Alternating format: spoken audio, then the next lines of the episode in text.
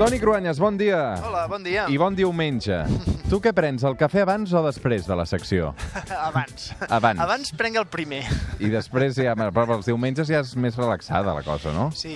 Home, jo el cafè no me'l prenc mai com per estar més excitat, eh? És, és No. un petit plaer que em permeto, eh? Molt bé. No I- sé, vaja, a mi no, em sembla que no em fa molt d'efecte, la veritat. A mi sí que me'n fa, eh? Sí? Jo sense cafè no faig suplement, eh? No, no. Doncs pren-te'n, pren-te'n. Mira, qui podrà continuar prenent cafè perquè tindrà més temps lliure és el rei emèrit Joan Carles de Borbó. De fet, deixarà de d'aparèixer en actes públics. Això és a partir d'avui, aquest diumenge. Sí, perquè coincideix amb el dia exacte en què fa 5 anys va anunciar la seva abdicació. Eh, Per tant, a partir d'avui ja sí, es retira de la vida pública i aquestes, crec que ja podríem dir que aquestes alçades Joan Carles I és història viva d'Espanya, no? Uh Avui, amb el Toni Cruanyes, les llums i les ombres de Juan Carlos Alfonso Víctor María de Borbón y Borbón dos Sicilias.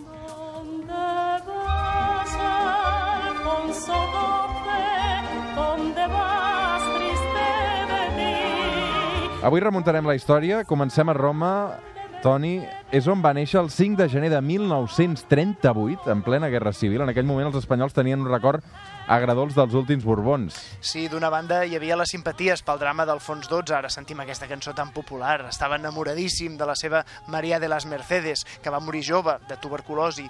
Tot un món imaginari de telenovela, però sobretot la gent recorda la marxa d'Alfons XIII per la Segona República, que és el record negatiu per part dels republicans, de la gent d'esquerres, però també per part de la dreta, que van veure la seva actitud com a covarda o de poca estatura política. I per tot això, des del 1931 els Borbons vivien a l'exili.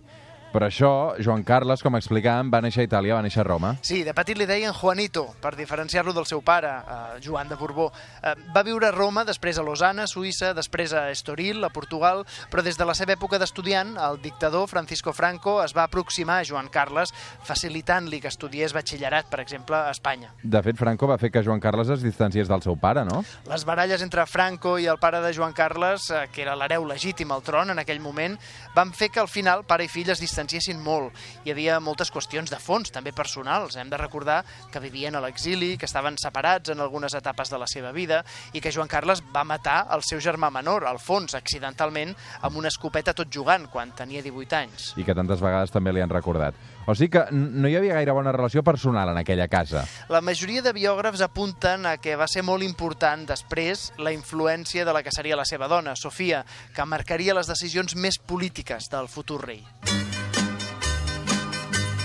Recordem-ho, Sofia, que és filla de reis i de prínceps. De fet, encara avui té els títols de reina d'Espanya i de princesa de Grècia i de Dinamarca. Sofia va viure en primera persona l'expulsió de Grècia durant la Segona Guerra Mundial i també va ser testimoni de com Grècia va passar de ser una monarquia a una república. Per tant, sabia que és el que no havia de fer un bon monarca. El casament arreglat amb Joan Carles va formar part d'una estratègia que va aconseguir augmentar l'estatus de Joan Carles i que va comptar amb el vistiplau de Franco. De fet, a mida que es va fer gran, es va anar erigint com la solució al problema del franquisme per substituir el caudillo quan morís. A canvi, Joan Carles va jurar els principis del Movimiento, el partit de Franco, per convertir-se en hereu a la corona. Això va ser l'any 1969. Queda aprobada la ley y designado sucesor en la jefatura del Estado, título del rey, para en su día, el príncipe don Juan Carlos de Borbón y Borbón. Mira, això que sentim va ser sis anys només abans del Franco Muerto, per tant devia ser el 69. Sí, després de la mort de Franco ja tot va quedar atado i bien atado, perquè així va quedar lligada la fórmula en què es va passar de la llei a la llei, de la dictadura a la democràcia, amb amnisties, oblits expressos a crims de guerra i de lesa humanitat comesos durant el franquisme, per no parlar de la Guerra Civil, i també amb un sistema de partits dissenyat perquè mantinguessin el poder els hereus polítics de Franco. Mm. Joan Carles va guanyar la simpatia de la gent, deien que era el rei campechano, no? És molt curiós, quan veus ara les imatges d'arxiu de Joan Carles i d'Adolfo Suárez d'aquella època, t'adones de com van saber combinar la confiança del búnquer de Franco, dels més nostàlgics, amb un aire de molta modernitat per l'època. Joan Carles va ser un excel·lent relacions públiques i va tenir també molt d'instint polític, que el va posar a disposició del seu propi interès i també de la raó d'estat. I després de tot això va arribar el moment de la consolidació de la corona. Pido a todos la mayor serenidad y confianza y les hago saber que he cursado los capitanes generales de las regiones militares, zonas marítimas y regiones aéreas la orden siguiente. ante la situación creada por los sucesos desarrollados en el Palacio del Congreso. Aquest és el moment clau del 23F, eh? Escoltem, escoltem. Confusión, confirmo que he ordenado a las autoridades civiles y a la Junta de Jefes de Estado Mayor que tomen todas las medidas necesarias para mantener el orden constitucional dentro de la legalidad vigente. L'ordre constitucional dins de la legalitat vigent. Aquest és el discurs clau que va fer just després del cop d'estat del 23F i a dia d'avui encara no sabem ben bé quin paper va tenir Joan Carles, perquè tot això també està molt discutit, Toni. El que sí se sap és que aquest missatge públic va ser determinant per aturar aquell cop d'estat, però també per deixar clar que la democràcia parlamentària era el sistema que el mateix rei havia triat per governar Espanya. I així, socialistes, comunistes i catalanistes, que eren els que més objectaven a la monarquia, aquell dia es van sentir més emparats per part del rei. En un regnat de 38 anys hi ha alguns moments de llum, però també hi ha molta foscor. El rei va comptar amb grans quotes de popularitat, també tota la família reial. A veure, recordem els casaments de les filles o del príncep Felip, anys en què Espanya va viure un creixement econòmic i de benestar sense precedents, fins que tot es va començar a torça.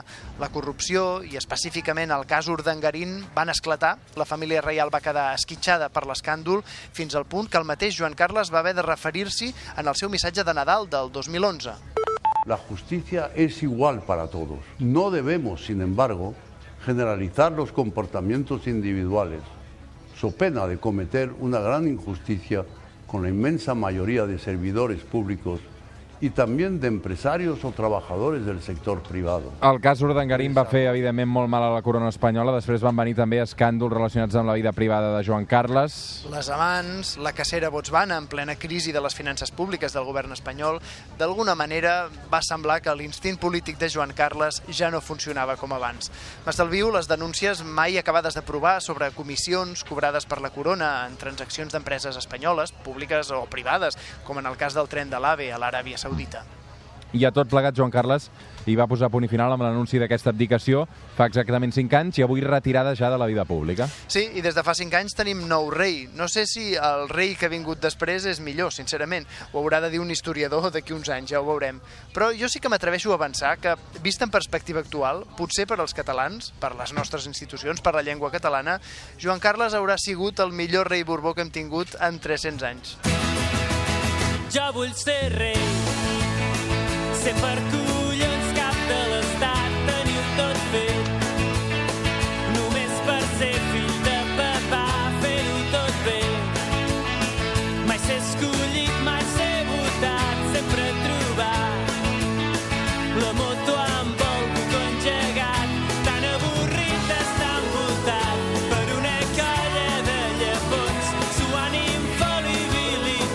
Quina lletra més meravellosa dels Pets.